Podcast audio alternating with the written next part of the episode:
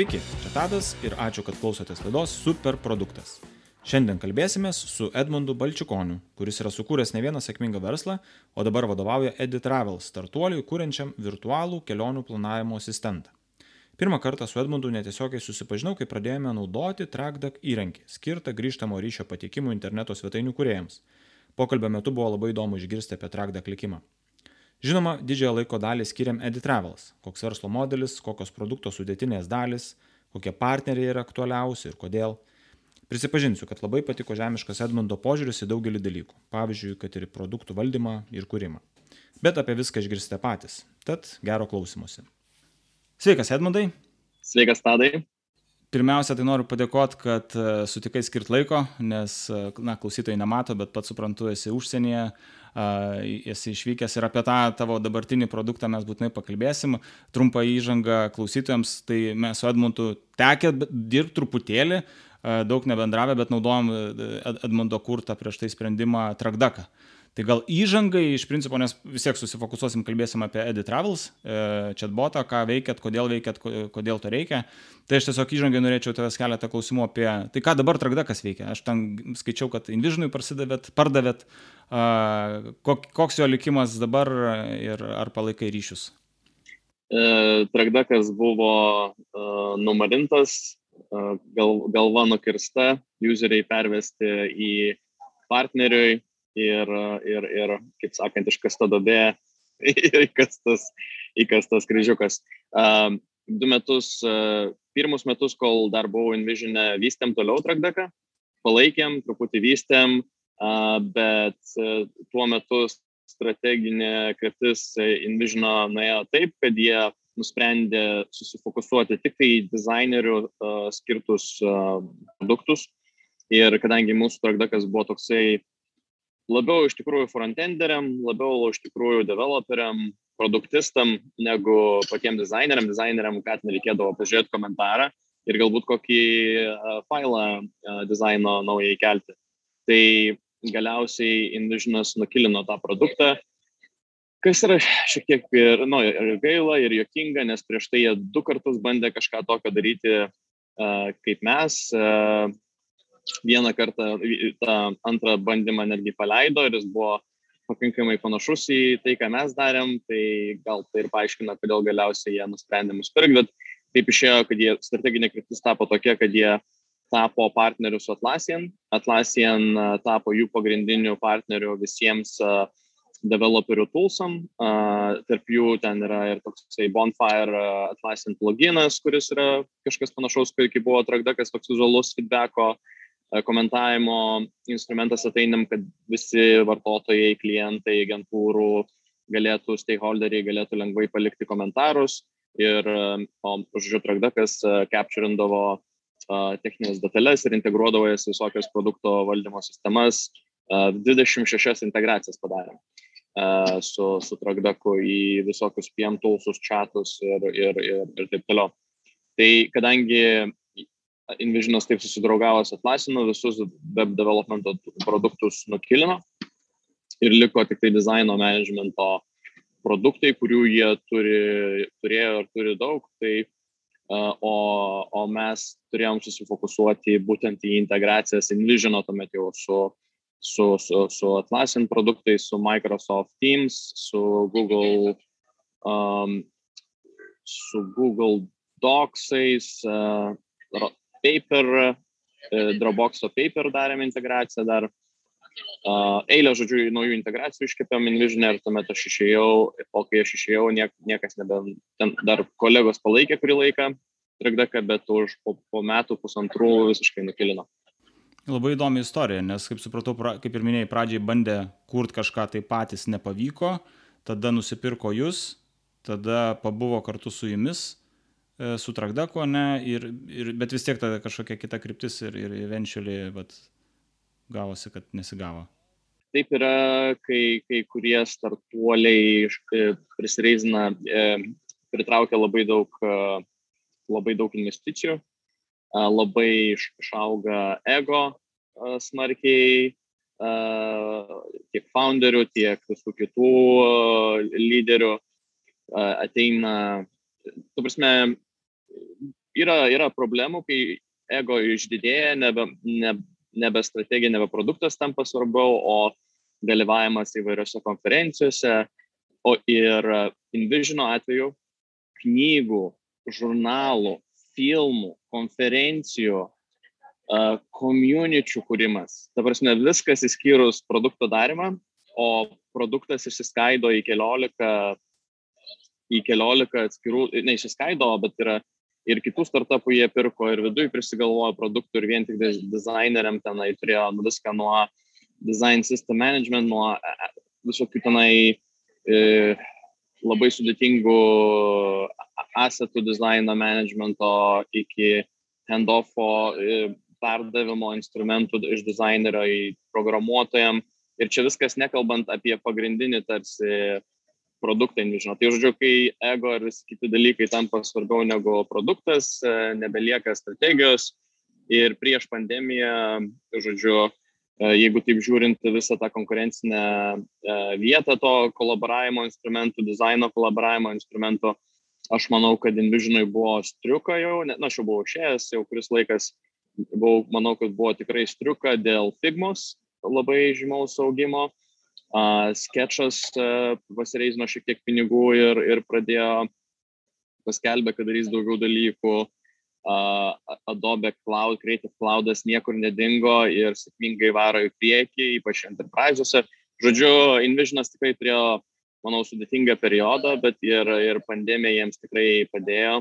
Tai žiūrėsim, ką jie padarys toliau, ką, Bet dabar, jeigu pašneki su bet kokiu mandresniu dizaineriu, tai jis nori naudoti arba Figma, arba Zeppelin, ne Envision. Tas, tas trendas nuėjo ir jie nesugebėjo išsaugoti to tokio, nu tikrai au, au, aukso tokio, kaip Envisionas buvo, kaip uh, aukso vertės dizaineriam. Vienu metu visi, visi norėdavo naudoti Envisioną reikia fokusuotis taip ir paskui kai pameti tą fokusą tai pabėgi. Kaip suprantu pastarieji metai ten nebuvo tau irgi lengvi ane tai iš iš to kad ir pasitraukei tikriausiai tai galim gal labai ne ne nesiplėst tos dalies. Aš tiesiog norėčiau dar a kokių dar turėjai veiklų ta prasme prieš pereinant prie prie edi travels kokių dar turėjai startapų galbūt mažiau žinomų nepavykusių galbūt ir galėtum pasidalint kažkokiom pamokom iš tų nesėkmių? Iš Envision aš pasitraukiau labiausiai kad ten man nebuvo įdomu, man reikėjo daryti integracijas esamo senesnių produktų su kitais enterprisiniais praktiškai produktais ir uh, tiesiog buvo nelab, nelabai buvo įdomu. Uh, tai kai nėra įdomu, netinki motivacijos ir vėlgi viskas kitas pasidaro įdomiau negu, uh, negu, negu produkto kūrimas. Prieš, uh, prieš Tragdeką, prieš Envisioną, uh, šiaip netgi uh, keletą produktų dariau. E, toksai iš skaitmeninių produktų pirmas buvo mano toksai e, tikriausiai, na, ne, negalima sakyti, kad buvo pirmas, bet iš, iš rimtesnių pirmas buvo uh, Gig Basket, kuris visiškai atsitiktinai įvyko. Tai buvo Gig Basket buvo tokia uh, portalas susiorganizuoti savo darbo paiešką. Nes yra pilna instrumentų HR rekruteriam organizuoti savo darbo procesą, bet tiem, kas ieško darbo, nėra. Ir tai yra problema tiek žmonėm, kuriems yra sunku rasti darbą ir kuriems reikia daug padaryti darb, nu, žinai, pokalbių, skambučių, susitikimų, kad jie rastų darbą, tiek tai yra sunku tiems, kurie, kurie yra labai paklausus ir gauna labai daug pasiūlymų. Ir tu tokios kaip elementarios vietos nėra ir žmonės, ką daro, tai jie kiek mes ten apklausinėdavom, tai dėdavos į kažką ar Wordą, ar Excelį, ar Google Sheetą kažkokį vesdavo, ar Trello boardą pasidarydavo ir, žodžiu, tenai, tenai dėdavo visus priminimus, pasiūlymus, skaičius ir taip toliau. Tai e, taip išėjo, kad e, tuo metu e, buvau, dirbau pirmajam Lietuvos startup akceleratoriui Startup Highway ir tiesiog įdomumo dėlį ir kartu, kad pažiūrėtų, kokių startupų yra naujų, nuėjau dalyvauti į vieną tokių pirmų didesnių konferencijų Lietuvoje startuolių, čia 2011 ar 2012 metais. Uh, vadinosi Startup Monthly, tokie amerikonai atvažiavo į Lietuvą ir buvo konferencija ir mes uh, su kolega jau dirbom coworkingę irgi tais irgi ankstyvais metais, vienas pirmųjų coworkingų buvo. Ir buvom pažįstami, o matau kolega Eugenijus dalyvauja, jisai turėjo tokią pirminę versiją to saituko, kur realiai įsilogindavai. Ir buvo, tuo metu dar nebūdavo extensionai browserių ištobulinti, tai jisai buvo padaręs tokį tarsi bookmarkletą, kuris skreipindavo puslapius ir tu taip, žodžiu, taip pradėdavai organizuoti tą savo darbo paieškos procesą į panelį kažkokį dėlioti. Ir tai aš pasigilinau į tą tą jo idėją, tą jo saituką, man visai patiko, aš norėjau dalyvauti konkursą, žodžiu, mes sudalyvavom, tenai laimėjom trečią vietą ir išvažiavom į San Franciską, pirmos trys vietos gavo prizą iš verslios Lietuvos, žodžiu, kelionę į San Franciską, tenai pasitobulinti ir, ir sudalyvauti Startup Monthly akceleratoriui. Tai, va, tai čia buvo toksai pirmas uh, bandymas ir tie trys mėnesiai San Francisco tam akceleratoriui uh, mano buvo toksai, e, kaip čia pasakyti, bootcampas produkto, e, tiek tiesiog būnant su, tiesiog darant realiai tą produktą ir vieną dieną bendraujant su žmonėm, kurie kuria produktus. Tai jokio produktinio, jokių kursų nedariau, jokio mokymosi nedariau. Prieš tai dirbau su interneto marketingo projektais daugiausiai, e-shopais, žodžiu, elementariai bet kokiu marketingu skaitmeniniu ir tiesioginės patirties vat, neturėjau, tai vat, tiesiog, tiesiog pradėjau daryti uh, nuo, to, nuo to renginio. O uh, jisai tas projektas sufeilino, ten labiau dėl to, kad mes su kolega nesutarėm, jisai tikrai turėjo potencialo ir mes ten įdomių sprendimų galiausiai padarėm per tos tris mėnesius, tiesiog uh, dar reikia, kad ir sutartum su komanda, su, su, su co-founderiu, bet tada tas neišėjo. Po to į, įvairūs keli bandymai buvo, galiausiai tiesiog nuvažiavau susitikti su draugais į Minską. Ir su draugais, su kuriais susipažinau San Franciską, darydamas Big Basket. Iš, jie buvo baltarusiai, nuvažiavau jų aplankyti, išgerti alaus ir jie irgi tokie visi startuperiai, gykai ir buvo hackatonas, važiuojame į hackatoną, nuėjome į hackatoną, susipažinau su dar kitais baltarusiais, žodžiu, Ženė ir Antonu. Ženė buvo programuotojas, Antonas dizaineris. Antonas sako, darom kaip Invisioną, tik labiau webam. Invisionas tuo metu jau buvo, čia buvo čia jau buvo 13, 13 metų pradžia ir Invisionas jau buvo ant bangos tokios, uh, visi, visi hipsteriai dizaineriai norėjo naudoti Invisioną tuo metu. Uh, ir jo, mes tiesiog sakom, gerai, darom. Per savaitgalį kažką padarėm ir uh, irgi buvom vieni iš to konkurso laimėtojų. Ten mus pastebėjo tokie suomiai, pakvietė į savo suomių startup akceleratorių Suomių valstybė tenai apmoka kelionės išlaidas ir, ir, ir pragyvenimo išlaidas ten mėnesiui. Tai sakom, su Žainer Antonu varom, davai pajekali. Ir, ir žodžiu, ir, ir pažiūrėt, pabusim Suomijoje. Ir, ir iš to išaugo per tą mėnesį, žodžiu, susidirbom taip, kad ir, ir, ir taip ištobulinom produktą, kad gavom feedbacko gero, kad nusprendėm daryti kaip, kaip įmonę, kaip startupą, kaip produktą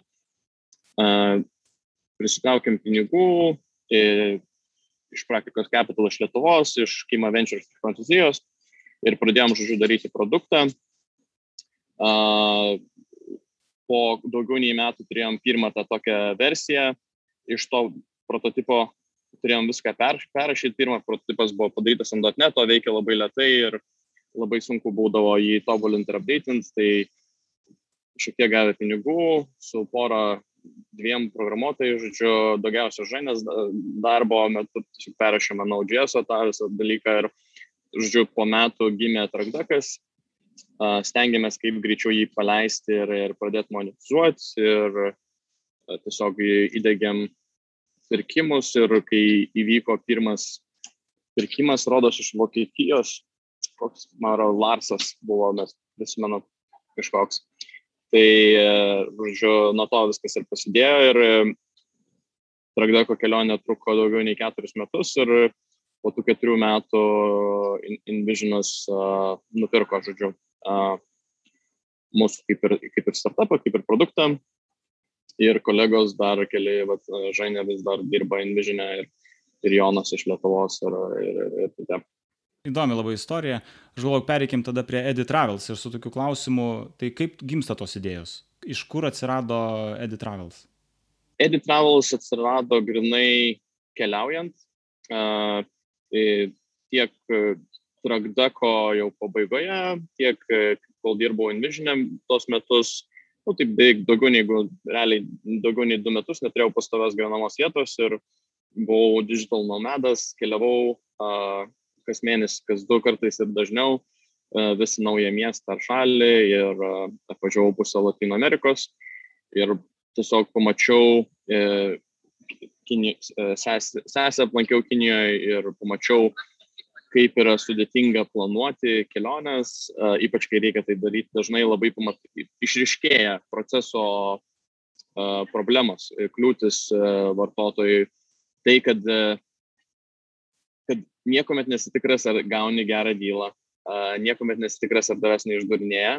Ir pradedant, pradedant nuo didžiųjų ekspedijų bookingų ir baigiant mažaisiais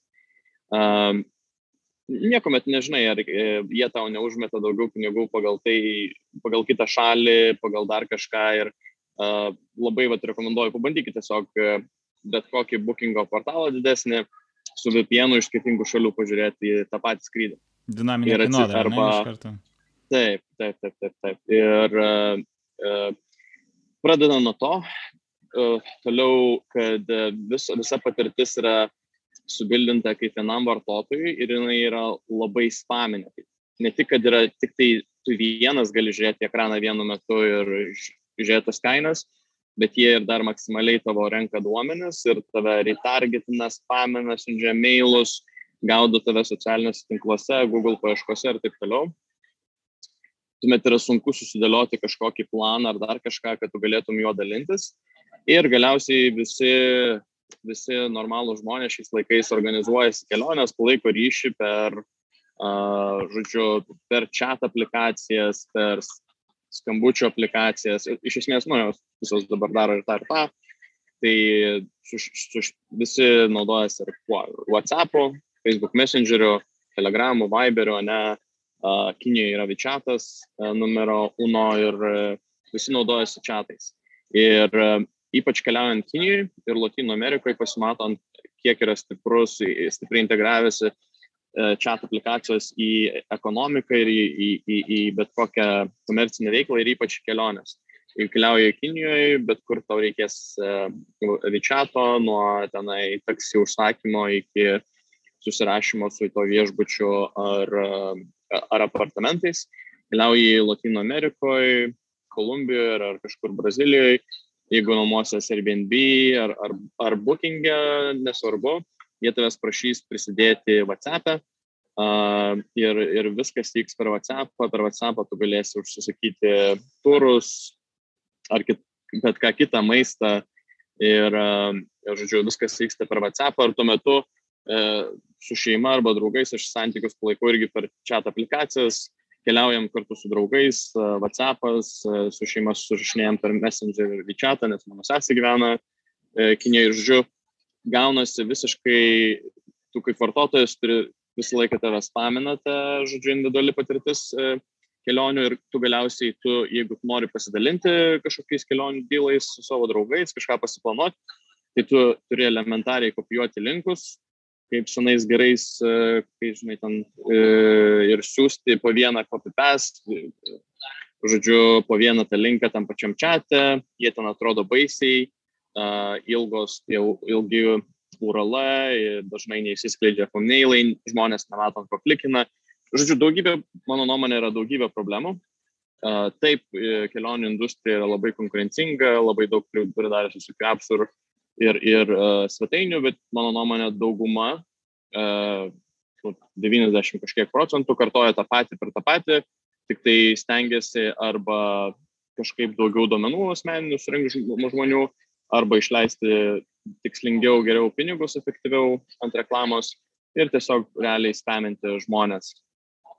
Labai retai atsiranda kažkokia produkto inovacija. Ir jei jinai atsiranda kelionių industrijoje, tai netgi maži startupai šauna į viršų.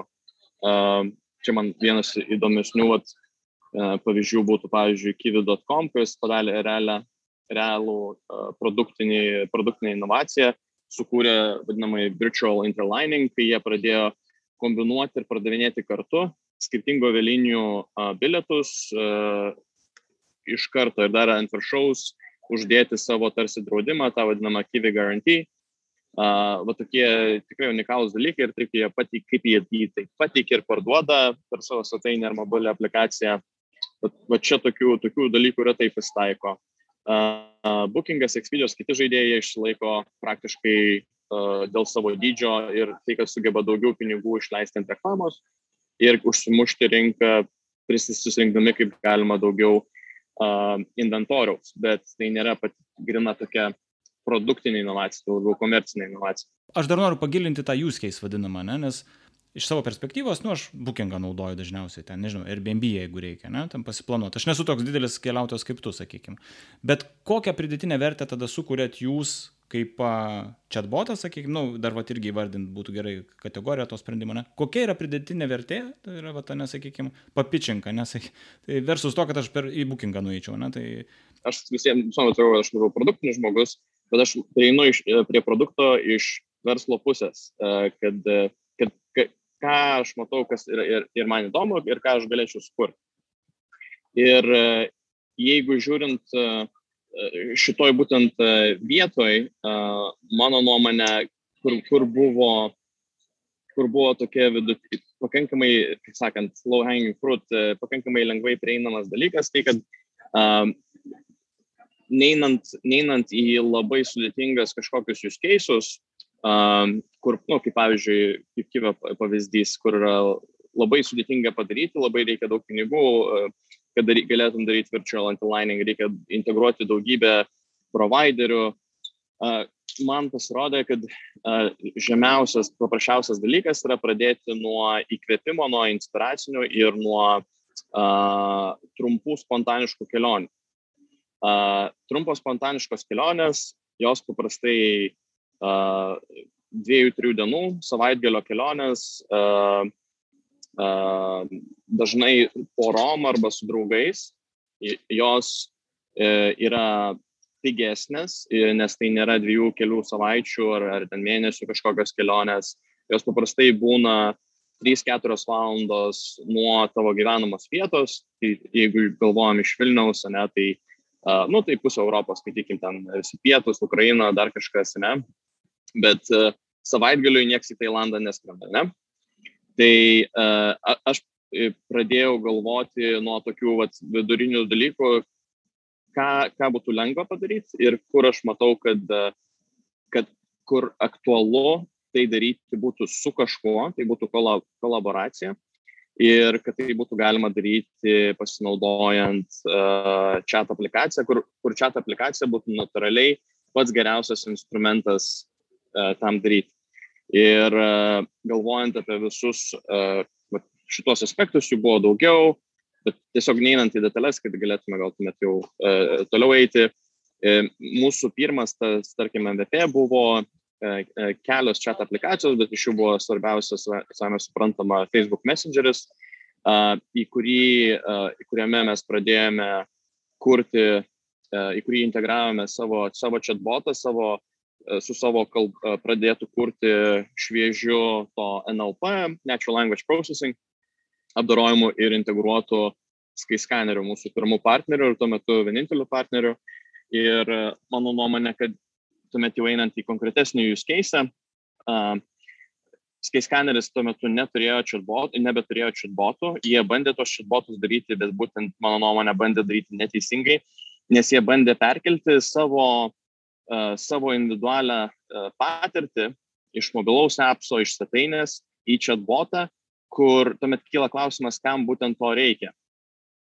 Nes jeigu tu žinai, kaip naudotis jų svetainę arba appsų, tai tu gali ten tiesiai ir eiti ir ten toliau nu, gauti tą pačią, tą pačią individualią vieno žmogaus patirtį, kur po to tas kai skaneris tave retargetins Facebook'e ir taip toliau. Taip toliau.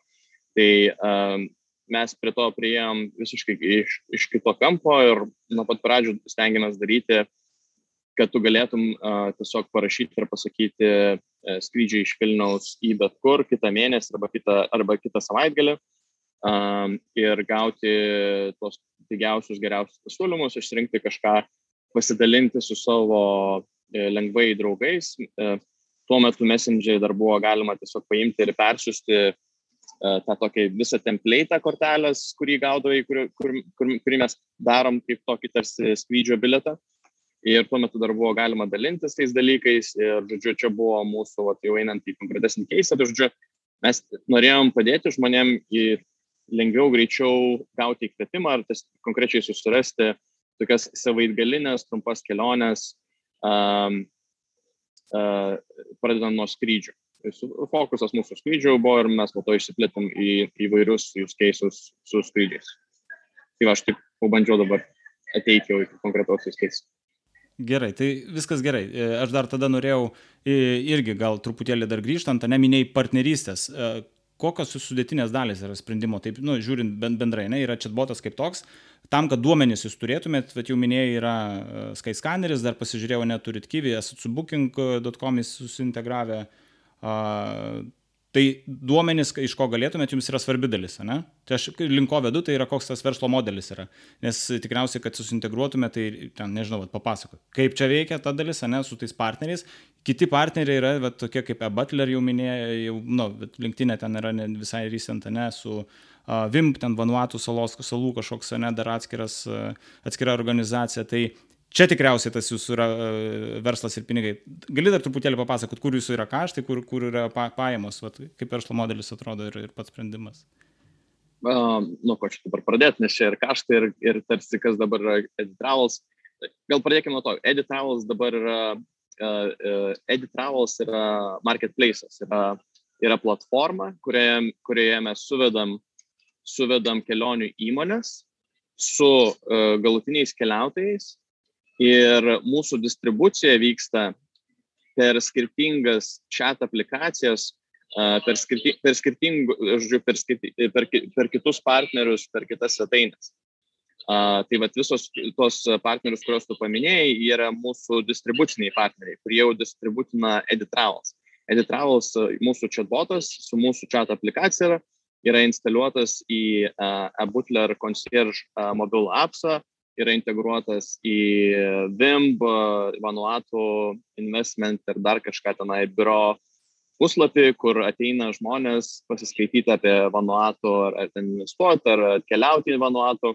Dabar, kai jie ateina į tą, vat, sužinoti, kaip ten nukeliauti tą Vanuatu, iššoka Editravels čato aplikaciją, kurią mes sukūrėm ir, ir jai padarėm tokį widgetą, kad būtų galima integruoti bet kokią svetainę arba mobile appsą ir per jį galima uh, greitai pasižiūrėti skrydžius, viešbučius, apartamentus Vanuatu. Dabar galite neskubėti, niekas nežiūrėti, nes Vanuatus tais dabar negalima, tik po pandemijos bus, bet čia, žodžiu, toksai žingsnis į ateitį. Tai Editravels tampa platforma. Iš vienos pusės mes turim savo partnerius, providerius, tai yra booking.com, Pricelinas, uh, kiwi.com, Um, šiek tiek dar dirbam vis dar su Space Scanneriu, uh, yra Get Your Guide, uh, kurios dabar paleisime greitai turams ir aktyvičiams.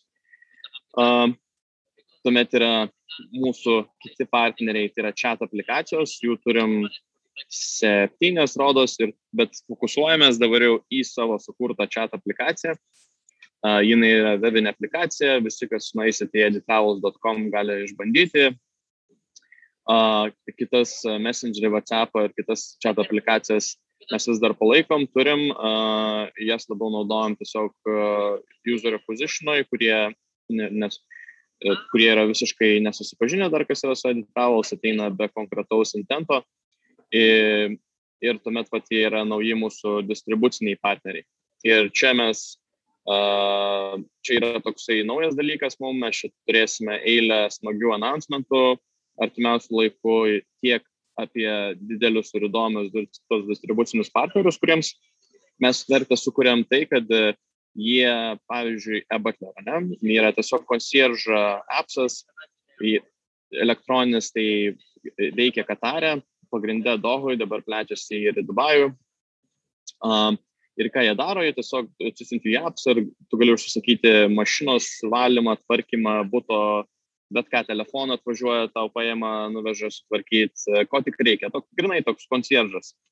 Um, jie gaudavo užklausų iš savo vartotojų apie keliavimą, nes jie turi tokį segmentą VIP klientų, kuriems jie praktiškai padeda viską daryti ir uh, tenai nuo iki, nuo vaikų nuvežimo, užsakymo vairuotojo ar, ar taksi vaikus nuvežti mokyklą iki namų išvalymo, žodžiu, yra tapę tam tikrų žmonių, tokių tikrų, tikrų, tikrų, žodžiu, tvarkytojų namų.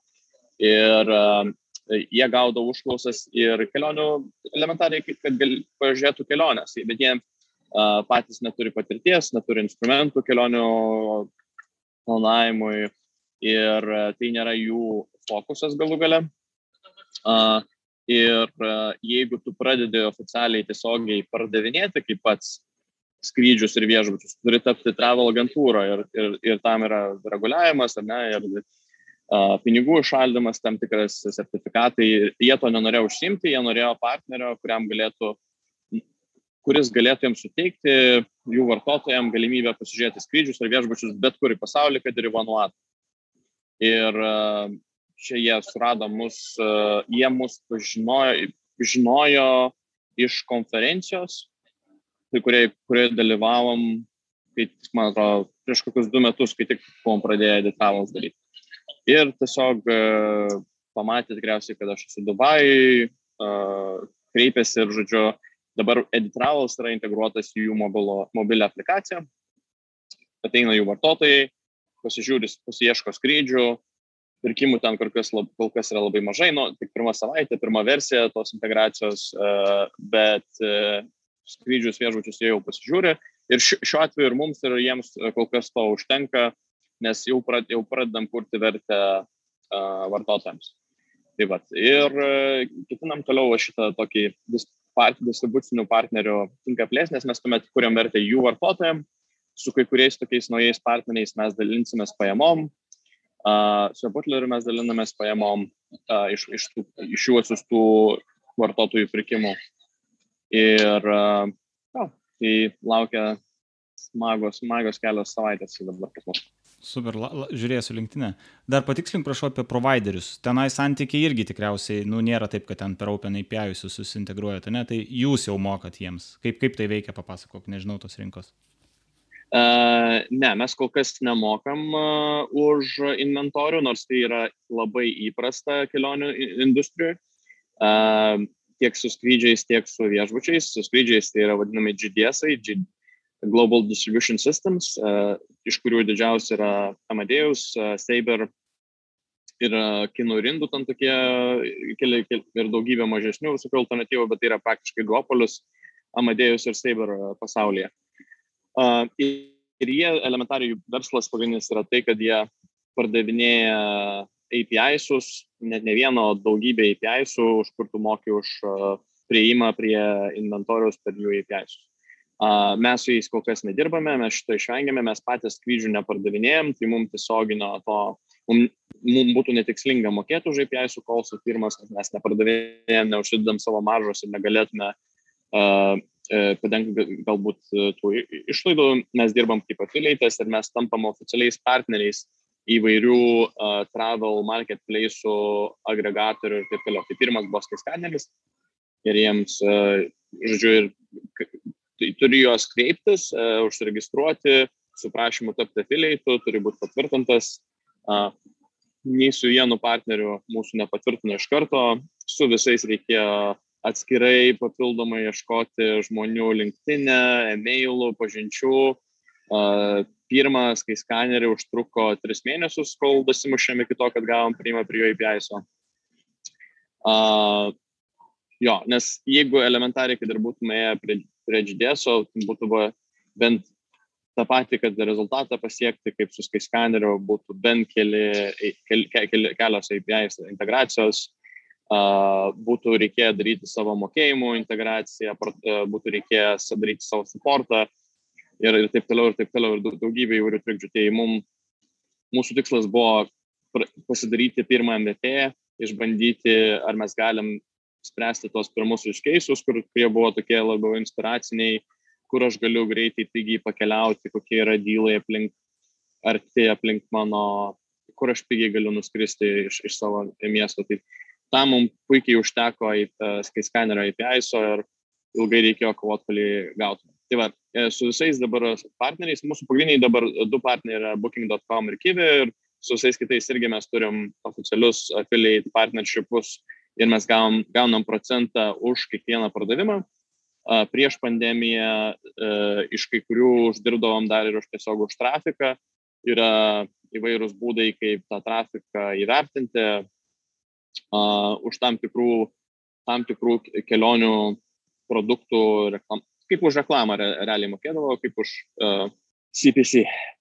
Tai, žodžiu, rezumuojant tą verslo modelį, ne, tai yra iš vienos pusės technologiniai partneriai, tai affiliate modelis ir ten komisinis iš principo gaunasi, ne, o tada yra kur distribuciniai partneriai, tai ten tada yra revenue sharingas. Tai jums iš principo tikslas dabar yra tuos distribucinius partnerius, kur minėjai, ne, kuo, kuo jų daugiau turėti, kad didesnis tas vat, naudotojų pasiekimumas, kad daugiau tų naudotojų būtų. E, tai čia yra kelionių pusė, o dar yra technologinė pusė Tai šiuo atveju visiškai praleidom patį chatbotą, kuris, e, pas, kuris jeigu, tu, jeigu tu tiesiog paimi kokį chatboto servisą, off-the-shelf vadinamą, ne jau paruoštą, tai tau neveiks jisai gerai kelionė. Kelionė, e, kalbos procesingas yra sudėtingas dalykas, jis yra sunkiai, ta prasme, kad tu, kad machine learningas veiktų kalbos apdarojimui, turi turėti savo duomenis, turi turėti algoritmus, turi viską sujungti į krūvą su daugybė servisų, dar priklauso, ar tai bus tik tai tekstas, ar tai ir bus ir balsas, kokius ten bus, ar bus datos, nedatos, ar tenai bus vietos, kokie tenai bus intentai ir entičiai, yra daugybė, daugybė klausimų ir mes turim mes krūvą dalykų, naudojam krūvą iš tų libų, kaip, kaip lietuviškai reikėtų sakyti, libraries, bibliotekų, kurių bibliotekų technologinių sprendimų bibliotekų naudojam, kad pasidarytume savo, savo tą setupą machine learningo kalbos apdarojimui.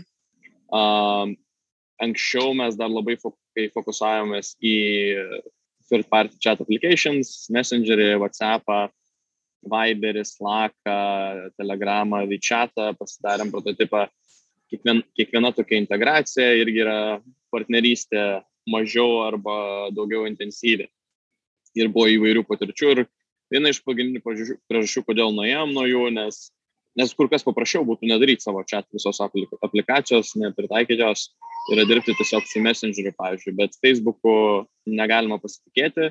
Facebookas e, ne pagrindiniam jų produktam, jeigu tai nėra reklama, iš kurios jie uždirba pagrindinius pinigus, tai jie lengva ranka keičia produkto strategiją kas pusę metų, kaip minimum kas metus per F8 konferenciją, kaip paleidžia naujienas, žodžiu, ir stebėtinai nekokybiški jų yra API'ai ir dažnai sena dokumentacija, dalykai dažnai neveikia ir bugai kabo virš metų ir du.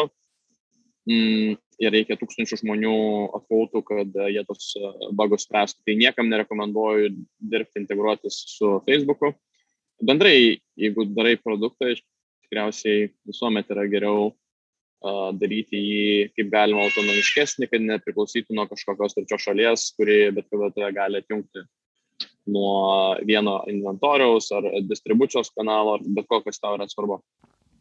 Tai dėl to, kaip suprantu, tas web chatas ir pasirinktas yra, kad tai būtent yra paprasčiau, mažiau priklausomybės yra nuo tų kitų vendorių. Ne, ir...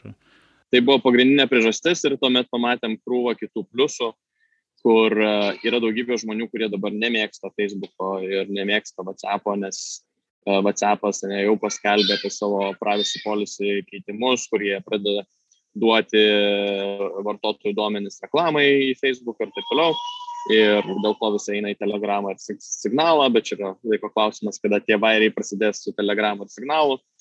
Tai e, nes visiems reikia monetizuotis, investuotojų pinigai, jeigu, jeigu nėra aiškaus verslo modelio, ar pajamų už pardavimus, ar tarkim mūsų atveju, tai yra praktiškai už pardavimus, bet yra affiliate modelį, tai tuomet yra klausimas, kaip, kaip telegramas arba signalas uždirbti pinigus.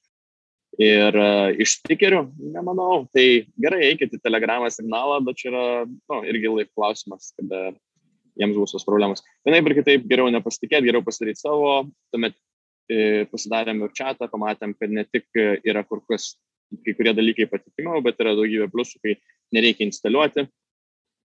Uh, vartotojas vienu, vienas klikas, čatas atsidaro, web browserį ar mobiliam telefonė, kažką padarom, pilnai responsive, puikiai atrodo, puikiai veikia, iš karto gali žiūrėti, iškoti skrydžių viešbučių, atsiveria įvairios kitos galimybės. Uh, yra, yra minusų, kai tu turi mobilų apsą, gali ten tiksliau vietą pasakyti vartotojo. Yra daug, daug pliusų, tai mobilų apsą, žodžiu, reikia viską tiesiog įsivertinti. Ar teisingai suprantu, kad web chatas, būtent ir kas yra po kapotu, taip vadinama, ne tas machine learningo, visi algoritmai ir taip toliau yra didžiausia, nu, ta technologinė vertė, kurią jūs sukūrėt? Chatbotas man nekyla ranka net chatbotų vadinti, nes tai, e, tas NLP, visi tie mūsų setupas ir algoritmai ir mūsų surinkti duomenys, uh, kurios, iš, iš kurių mes treinam mūsų machine learningą apie skrydžių, kaip vartotojas gali klausti skrydžių viešbučių, o dabar turų ir, ir ir, ir aktyvičių artimiausių laikų, kurias paleisim. Ir tuomet mūsų, mūsų padarytas web chatas, kuris uh, ne tik su mūsų brandu veikia, bet ir uh, dabar lengvai white labelinamas, integruojamas į bet kokią svetainę arba mobile apps. Kaip atrodo konkurencinė aplinka? Kas, kas vyksta? Ar čia daug yra tokių, ar jūs inovatoriai užsipatentavot sprendimą savo ir esat ramus? Šitbotus kepa visi, kas tik gali dabar, atrodo. Čia ta aplikacijų irgi netrūksta, tai konkurencijos pilna, net ir per pandemiją, net ir su, net ir kelionių srityje, su, su, su visa, visa dabartinė specifika, kai, daug, kai dauguma žmonių vis dar nekeliauja. Ne? O ka, ka, kuo išsiskiriat, kokius išskirtinumas, ta prasme, yra, vat, ar taip galim pasakyti su konkurentas, ar yra per anksti tiesiog sakyti, nu visi bando, žiūrisi ir, ir dar ta sėkmė kažkur yra toliau? E, Pradėkime nuo to, kad šitas klausimas automatiškai yra labiau skirtas B2B produktam. Nu, matos, kad tu labiau iš B2B ateini pusės, ne, vis tiek iš agentūrų, e, e, iš, iš, iš įmonių, kurios darė softą verslam arba verslo produktų kūrimo, ne? Nes e, sprendimų darimas B2B produktus yra logiškesnis, kur kas kai um, mažiau spontaniškas, dažnai labai racionalus netgi kur labai konkretus reikalavimai yra surašomi, ne, ir kažkoks ten procurement manageris realiai pagal spreadsheetą eina ir tikrina tos produktus, susideda pliusus, minusus, lygina kainas ir, ir taip toliau, ir tuomet tu gali žiūrėti konkrečius use cases, konkrečius išskirtinumus, kur, kuo tau tinka vienas arba kitas sprendimas. Kodėl Zoomas, o kodėl ne Microsoft Teams ir kodėl ne ten Google ir taip toliau kai kalbam apie B2C produktus, ypač apie spontaninius pirkimus produktų ir, ir kas ateina iki įkvėpimo žmogaus, pradėkime nuo to, kad uh, use case nustatyti yra netgi labai sudėtinga, kur tu galėtum pasakyti, kad šiuo atveju čia yra pranašumas ar ne, nes visi skirtingai kelionės planuoja. Vieni nesupranta, nesupranta apskritai, kaip čia visi kiti be, be asmeninės asistentės ar asistento sugeba susiplanuoti keliones. Taip, jie pat, e, žinai, jeigu kalbam apie kažkokius, nežinau, vadovus ar kažkokius turtingus žmonės, kiti nesupranta, kaip jie gali pasitikėti kažkokiais portalais ir iki šiol yra labai didelė, didelis segmentas žmonių, kurie di, e, perka keliones tiesiai iš kažkokių žmonių, iš, iš, iš travel agentūrų, fiziškai jas nueidavo arba nueina skambino, skambina telefonu, rašo mailus, bet perka tik tai iš konkretaus žmogaus, nes ir tikisi, kad tas žmogus bus atsakingas, jeigu jiems ta, kažkas atsitiks su ta kelionė. Ir tuomet einam toliau, kur pasidavėsi visa online dalis. Beje, iki pandemijos uh, didžiuma rinkos travel agentūros buvo vis dar labiau offline. Kalbam apie beveik du trečdalius. Tik tai vienas oficialiai pagal skirtingas statistikas tik apie vieną trečdalį kelionių uh, vykdavo, buvo perkama, planuojama pilnai online. Vieną trečdalį. Tai mes uh, daug, bet mane tai tas faktas labai nustebino.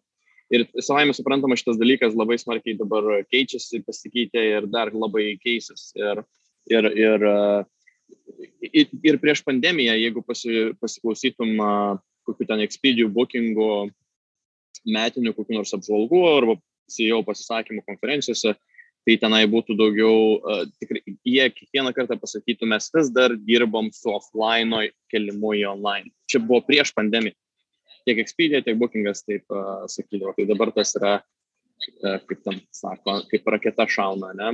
Tai um, jo, labai sunku yra nustatyti konkretų use case, kur tampa lengviau arba paprasčiau. Aš galiu tokius paprastus dalykus pradėti vardinti, kad mūsų, mūsų skir skirtingose aplikacijose mūsų chatbotų galima naudotis ir siunčiant gars, balso žinutės. Iš karto tai yra iš, išskirtinumas. Mūsų chatbotų galima naudotis grupiai. Planuoji kelionę su draugais, tuomet Telegrame ir Slack'e ir mūsų web aplikacijoje gali pakviesti pasidalinti kelionės, žodžiu, pasidalinti edit travels ar, ar, ar linku ir gali gyvų laiku, realiu laiku su draugais pradėti planuoti kelionę. Pradėkime nuo to, kad tam tikrais atvejais ar balso žinutės siuntimas, ar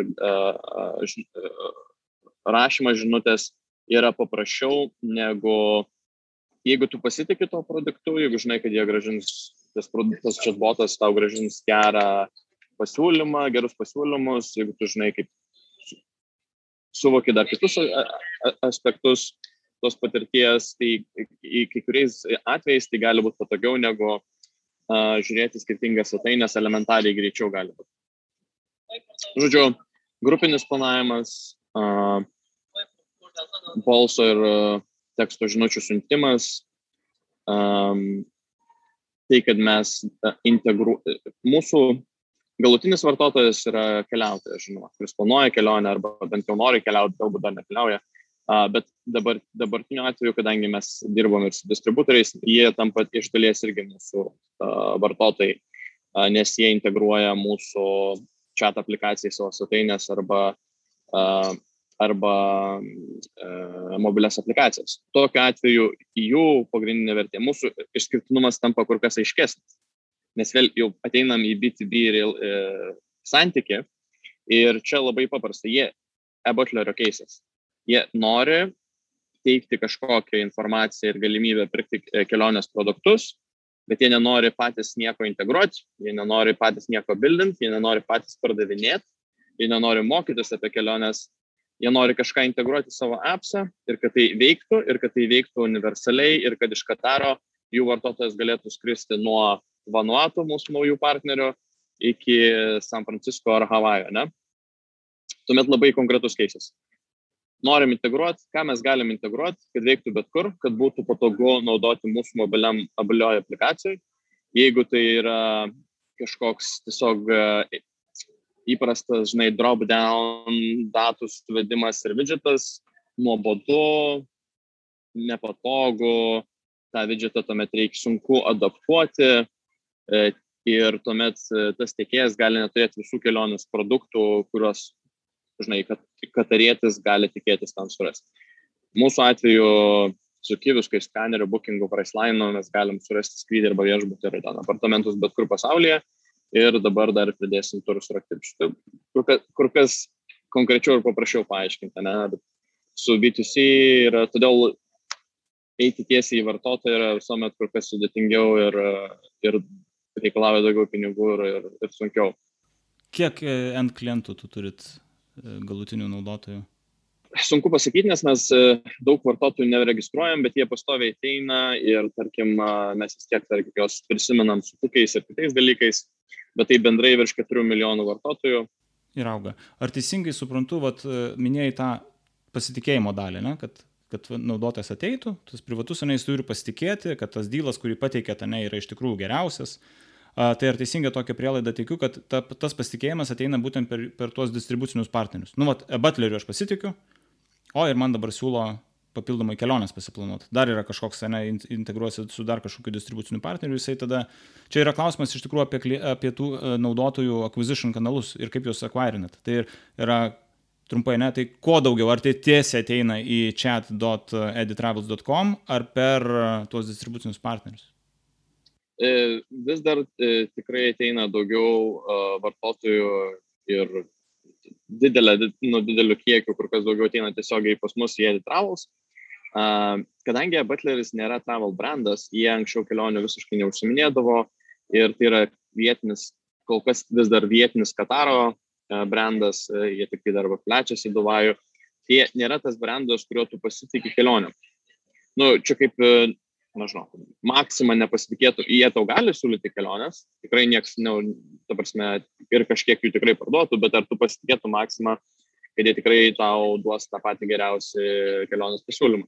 Nu, tikriausiai vis tiek pasižiūrėtum dar kažkur. Tai šiuo atveju nėra, nėra tikslo, nėra tokios, ne, ne, mes neturim tokio, tokios hipotezės, kad jie būtinai tuo pasitikės ir netgi ne white labelinam, uh, ten vis dar yra editravos integruotas į e-butler. Ten net nėra e-butler asistentas, nes jie nenori prisimti atsakomybės ir uh, už uh, viso tą patirtį, tai vis, dar, tai vis tik yra editravos integruotas tiesiai į e-butlerį ir tai nėra white labelintas experiences. Ir kitas aspektas, kad katariečiai, ypač tie, kurie naudojasi ir moka už konsieržo appsą ir, ir daro, ir jie nėra uh, price sensitive, jie nėra tie žmonės, kurie super ieško pačio pigiausio dylo. Tai šiuo atveju tas aspektas tampa, bet čia, bet čia yra, prasideda visi tie niuansai su tom kelioniam, kai tu eini galutinį vartotoją. Nes vieni ir visi, vieniems, žinai, ir 2-3 eurai kainos skirtumas yra pakankamas, kad jie eitų į kitą svetainę, kurioje galbūt nėra įpratę pirkti. Čia vat, Skyscanner pavyzdys yra. Uh, Skyscanneris yra tiesiog agregatorius, jie patys tiesiogiai uh, nepardavinėja, turi tenai kelias integracijas, kur ten Directive uh, Skyscanner, bet ir ten yra pirkimas embedintas avialinijų į Skyscannerį realiai. O dauguma, beveik vis, visas Skyscanner trafikas yra vartotojas ateina, paieško skrydžio, paspaudžia iš vieno iš pasiūlymo ir jisai nueina arba į avialinę konkrečią, bet dažniausiai, jeigu jisai ieško pačio pigiausio, tai yra kažkokia random travel kelionių agentūra, kuri gali būti bet kur pasaulyje, tiek Amerikoje, tiek Bulgarijoje, tiek Venezueloje, niekuomet negali žinoti. Ir jeigu tau yra svarbiausia, va tie 5, ten ar 20 ar 50, o kartais keli šimtai eurų, ar, ar netgi galbūt tūkstantis eurų, tuomet tu perki iš tos pigiausios agentūros. Ir Skyscanneris irgi to, tokiu atveju neprisijėm, irgi jie nenorėtų nieko prisimti atsakomybės už tokį pardavimą, todėl jis yra tik tai agregatorius. Ir jeigu iškyla problemos, tarkim, pandemijos metu nukensinti skrydžiai, prašom kreiptis į avialinijas ir tas OTAs, vadinamas Online Travel Agencies, kelionių agentūros, kurios pardavė jums skrydį. Tai, va, tai kiekvienas atvejis yra labai skirtingas. Ir uh, abušlerio atveju mes to ne, tiesiog nebijom, tai yra vis tik tai mobiliam appse tokio, tokio pabudžio, kuris visiškai su kelionė susijęs, pirmas bandymas, um, žiūrėsim, kaip čia bus. Patikslink dar, tai prašau, tada apie klientų akvizišno kanalus. Kas ten veikia? Peidų, ten daug išleidžiat pinigų, kaip, kaip tie 4 milijonai klientų pas jūs atsirado? Peidas, po to įprastas kontentas uh, po to darbas per, per, kaip per jeigu pažiūrėsi aplikacijas, jie irgi yra marketplace'ai. Ir tu irgi ten gali būti kažkiek featurintas, kažkiek gauti bonuso ar karmos taškų ir gauti kažkiek trafiko organiškai. Tai uh, anksčiau buvo darbas su visais tais kanalais, uh, bet dabar, kadangi turim savo web aplikaciją, automatiškai web chat aplikaciją, automatiškai SEO, bet koks turinys, uh, socialiniai tinklai, kiekvienas klikas vartotojas atsiduria pas mus, ne, tai SEO turinys dabar mums puikiai, puikiai pradeda veikti. Um, o be peido ir be turinio dabar yra tos partnerystės, kur e-butleris, e, Vanuatu, ten tas portalas ir visi kiti, jie irgi dirba, kad pritrauktų vartotojus pas save ir automatiškai jie tampa mūsų va, tais distribuciniais partneriais. Koks, koks tikslas tai, tos acquisitiono santykio turėti? Ta prasme, nu, aš suprantu, kuo, kuo daugiau organiškai, tuo yra geriau, bet e, kaip pats matai ateityje? Ar bus daugiau per distribucinius partnerius ateinančių Ar, ar, ar, ar vėlgi tiesiogiai ateinančių, koks yra tikslas? Dabar mes tikimės, kad ateityje daugiau ateitės ateis per distribucinius partnerius. Nes e, jiems daryti marketingą yra paprasčiau. Vėlgi grįžtam prie to, kai yra B2B relationshipas, tu gali labai aiškiai komunikuoti labai konkrečią tą pridinę vertę.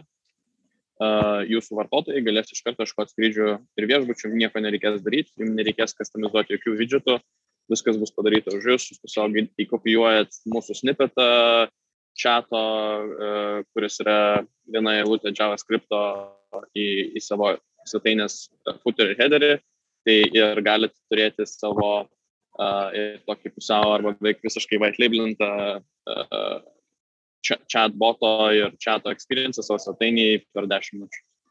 O kokiose rinkose dabar esate geografiškai artimieji rytai, ar, ar, ar yra kažkaip ir plačiau pasiskirsimas? Aš fiziškai esu Dubajuje ir, ir čia jau kuris laikas veikiam, nes 19 metais uh, mus pakvietė sudalyvauti ir labai smagiai sudalyvavom Emiratų avialinijos ir Dubajaus turizmo startuolių programą.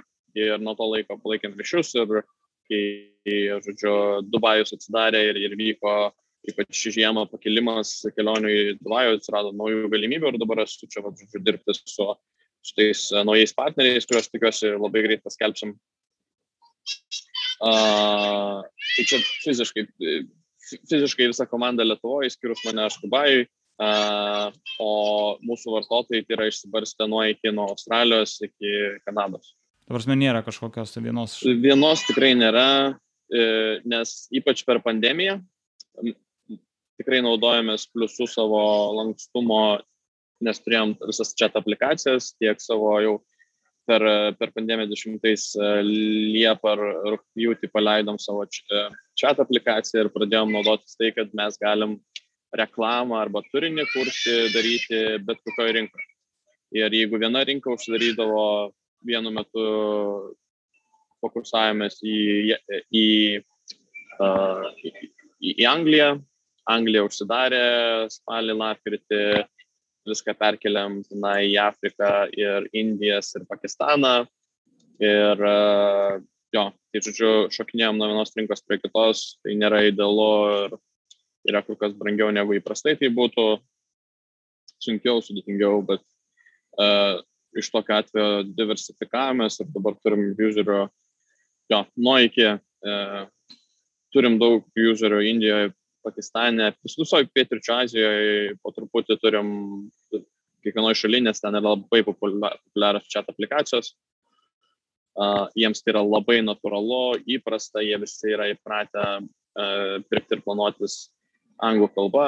Nu, kalbam apie vidurinę klasę, ne, kuri vis, visi, kas baigė mokyklą Indijoje, Pakistane, kalba angliškai. Um, visi, kas baigė universitetą, šimtų procentų ir uh, tie, kurie keliauja, jie paprastai uždirba arba jau turi tą vidurinį išlavinimą ir ta vidurinioji klasė yra smarkiai auganti visoje pietričio Azijoje. Uh, tai va, ir, ir Singapūrai ir visi kiti. Tuomet Afrikoje atradom lab, geriausiai mums veikia Nigerija, bet taip pat e, Etijopija, Gana, Pietų Afrika, šiek tiek ir Pietų Afrikos Respublika. Kur neturim vartotojų, tikriausiai tai tik tai šal...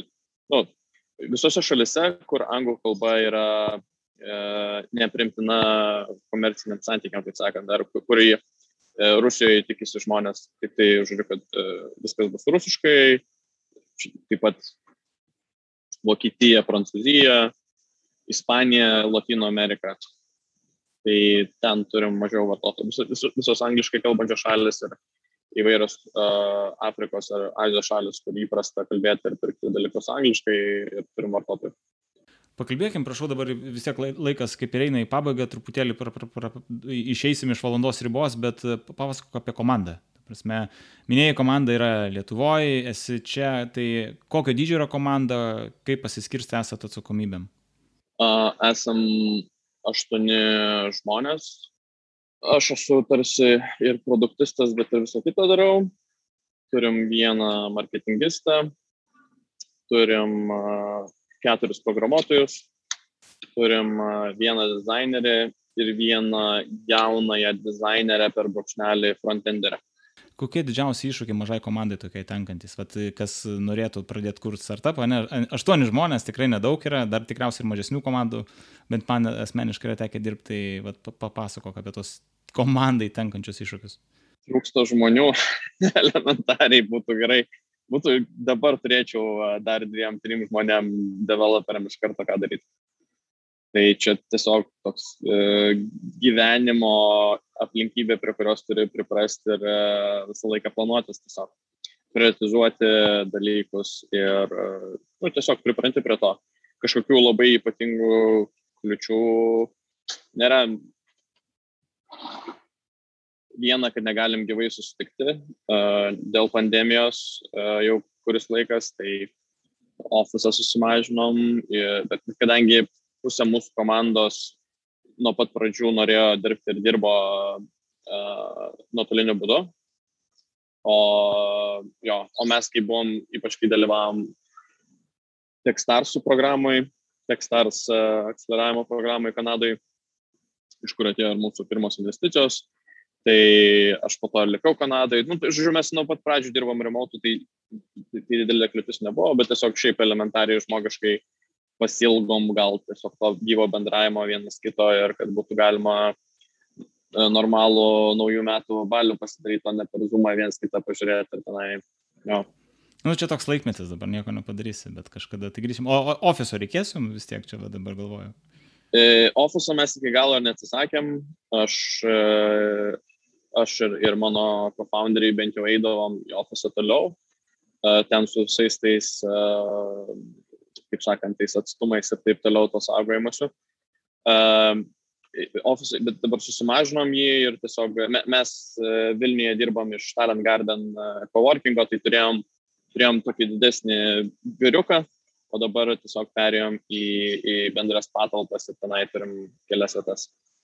Gerai, ačiū Edmundai už tą pagrindinę dalį. Tiesiog pabaigai dar turiu irgi tą linksmąją, tiesiog trys, trys greiti klausimai. Tai uh, A, norėčiau dar perėti prie jų. Į visus viskas, atsakau, taip. Jeigu tinka. Super. tai tada dar papildyk, prašau, tą pirmą atsakymą apie knygą, kurią, kurią norėtum rekomenduoti. Knygą, kurią norėčiau rekomenduoti. E... Hm. Nesiniai prisiminiau uh, kažkokį pokštą iš uh, Kareivio Šveiko Jaroslav Hašek knygos, uh, su su draugu kalbėjom, tai visiems labai rekomenduoju. E, aš supratau, čia produkcinis e, podkastas, bet e, aš nesu, ne, nesimokiau niekuomet būti produkti, produktistu ir mano pagrindinis patarimas yra, uh, norit būti produktistu, Hebra, mažiau švaistykit laiko ant knygų, daugiau darykit produktus. Jo, čia tai, jo, analizės paralizės, ne, ta prasme, gali ten kažką teoriškai galvoti, bet ko. Taip. Taip, taip. Kursai, knygos, dar kažką ir tuomet uh, pasišneki su žmogum ir e, jisai gyvena tam tokiam iliuzijų pasaulyje, kur e, nėra, ne, nėra pajutęs resursų apribojimo, ne, nėra dirbęs su, su keliais, tai vienu kartais programuotoju ir taip toliau. Taip, tai aišku, ta teorija. Aš, aš pats skaitau knygas, nes tikiu vis tiek tam tikrų dalykų reikia semtis, va tas podcastas irgi pasi, pasikalbėti, ne pasisemti patirties irgi kitiems irgi žmonėms, gal tą kažkokią realybę bent kažkiek tai atskleis ir panašiai. Tadai sugėdina, iš tikrųjų gerai. Uh, jo, mano Biblija tuomet būtų vis tik tai Lean Startup Eric Rice. Jo. Labai trumpa, trumpa konkreti, su konkrečiais pavyzdžiais. Ir kas man joje patinka, tai kad pajauti biškį tą skausmą, kai e, išvaistai daug laiko ar dar kažko ir uh, netinkamiem dalykų darimam.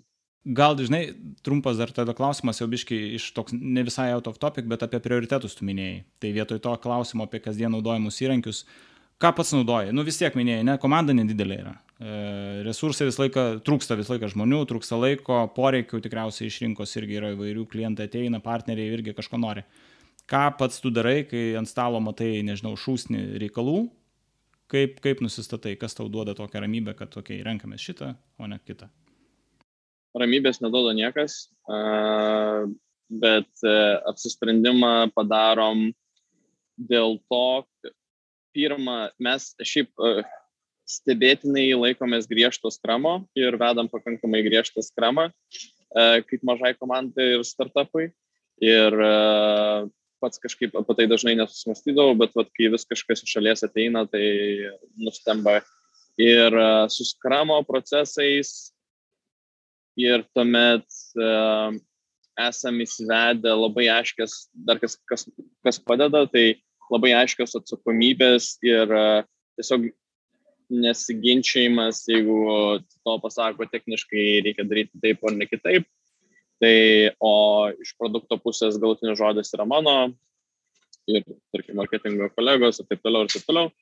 Tai skramas, labai aiškios atsakomybės uh, ir uh, verslo, nežinau, ne, čia nebūtų jau nei konkreti metodika, nei, nei metodologija, nei kažkas tokio, tiesiog nu, labai smarkiai naudojam žyrą ir visus žyros planavimo dalykus. Ir kai vis tik tai išsidėlioji, žodžiu, tam bordė, žinai, tenai, ar pagal kanban, ar kažką ten, tos visus um, taskus, susigrūminam juos, praeinam visus dalykus, išriškėja tie dalykai. Tai jo, e, kažkaip išsirinkti vieną metodologiją ir su ja dirbti ir tiek. Bet jau, nu, kaip, kadangi ir mano pirma rekomendacija yra Lean Rice, tai savame suprantama, nerekomenduoju startupam bent jau tų visų uh, waterfall approach. Hmm. Ir tų ceremonijų tikriausiai, nu vis tiek tas lynas yra, kad nu greitai pasidarom, pasikalbam, mane iteruojam, jeigu reikia. Greitos integracijos, MVP prototipai uh, uh, ir be gailėšio kilinti, jeigu nevažiuoja arba nepasiteisina. Ačiū, Edmundai. Dar manau, galėtume čia tęsti, bet uh, ir, ir klausytėm tai gal kažkada gyvai, kaip sakai, kažkada grįšim į tą normalų gyvenimą, kažkada galėsim pasikalbėti. Tai ačiū labai, gero, gero laiko ir sėkmės e, komandai. Ačiū labai Tadai, kad švieti visuomenę mūsų produktinę ir e, kas kam nors padėjo, svarbiausia, kebra darykit ir, ir viskas bus gerai. Gerą vakarą.